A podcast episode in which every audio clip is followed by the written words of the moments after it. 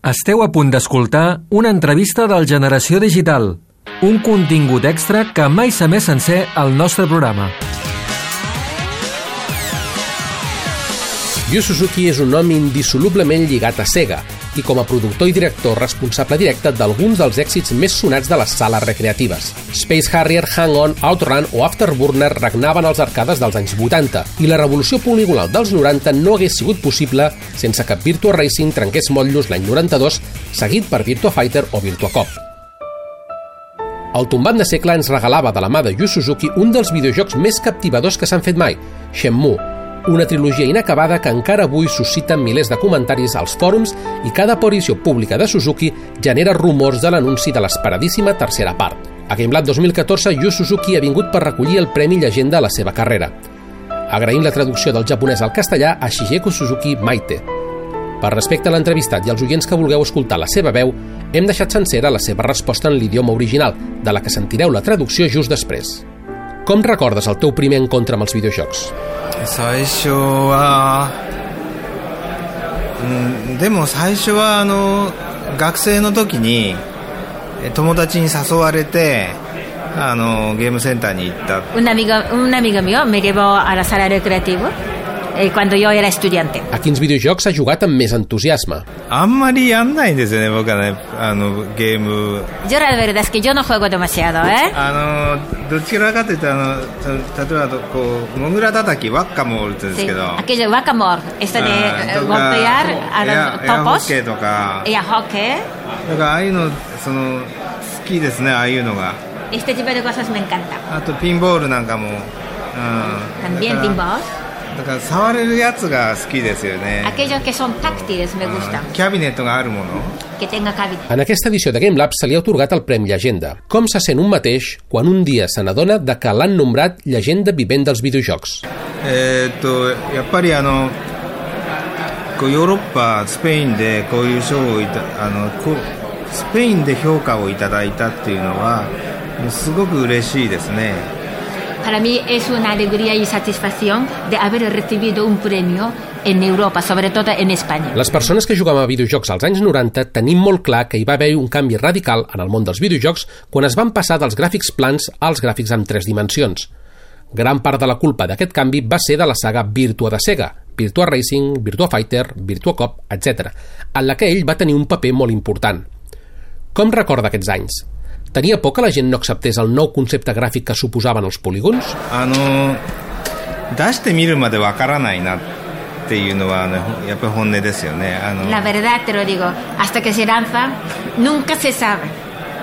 でも新しいことにチャレンジすることにあの意義があるそれは価値があるっていうふうに信じてたのであのやっぱりあのそのチャレンジがやっぱり 3D をやっぱりやりたかったんですよどうしてもあの学生の時から 3D のあの勉強してたのでどうしても 3D でゲームが作りたかったんです Hacer una cosa nueva eh, es un desafío ¿eh?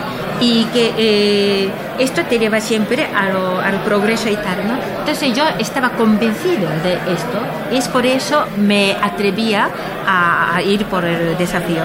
Además, aparte de esto, yo cuando era estudiante ya tenía muchas ganas de eh, realizar cosas y crear cosas de 3D. Creu que les ulleres de realitat virtual de Sony, el Project Morpheus o les Oculus Rift poden significar pel videojoc el mateix salt revolucionari que va significar l'arribada del 3D a mitjans dels anys あ 90? の十数年も前にやっぱりバーチャルリアリティって一回流行ったんですよ Hace diez y tantos años eh, hubo una época en que estaba muy de moda virtual real- realidad virtual.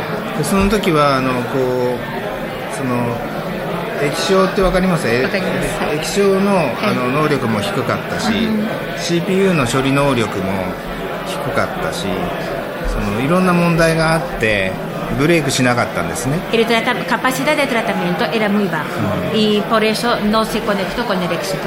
最初のヘッドマウントディスプレイはすごい重かったですね。最初 CRT が入って CRT estaba えら、も、うん。非常たです。あの首を鍛える健康器具みたいですね。ですから、あの今また出てきたっていうことは。技術が、あのできるバーチャルリアリティがちゃんとできるようにな技術に今やっとなったんですよ。でこれからがバーチャルリアリティの進化っていうんですか？可能性がこれからあの本当にそのどれぐらい広がっていくかっていうのがこれから分かると思います。El hecho de que haya resurgido otra vez es que ahora mismo las técnicas respecto a realidad virtual ha avanzado muchísimo y es, yo, es por esto, ahora es el momento en que a partir de ahora cómo se irá expandiendo y se irá evolucionando. Gran part de la seva carrera ha sigut treballant en videojocs per màquines recreatives. Aquestes màquines i els salons recreatius segueixen sent populars al Japó, però gairebé han desaparegut en tot el món occidental. Com s'ho explica? Té alguna teoria de per què segueixen sent populars al Japó? やっぱりあの家でまずあのコンソールが 流行ったので家でできるようになったんですね Se puso de moda consola, en- entonces ya se puede jugar en casas, ¿no? でい一番あの昔はアーケードのゲームのハードウェアが一番能力が高かったんですね Antes eh, la que gozaba de mayor capacidad era arcade. で arcade. も今はアーケードのゲームのハードウェアよりもあのこ家庭用のコンソールの方が能力が高くなっちゃった Ahora mismo esto se ha rever- eh, invertido. La capacidad de consola es superior a la de arcade. マーケットも大きくなった El- también se ha hecho más mayor el mercado de consola ¿eh? al lado de otro. だからそこで仕事する人が多くなったから Entonces hay más gente que trabajan ahí ですからゲームのそのユーザーが分散してで今は今度はスマートフォンの方にまた広がってきている。Entonces eh, se han diversificado los usuarios y ahora eh, se está inclinando hacia smartphone.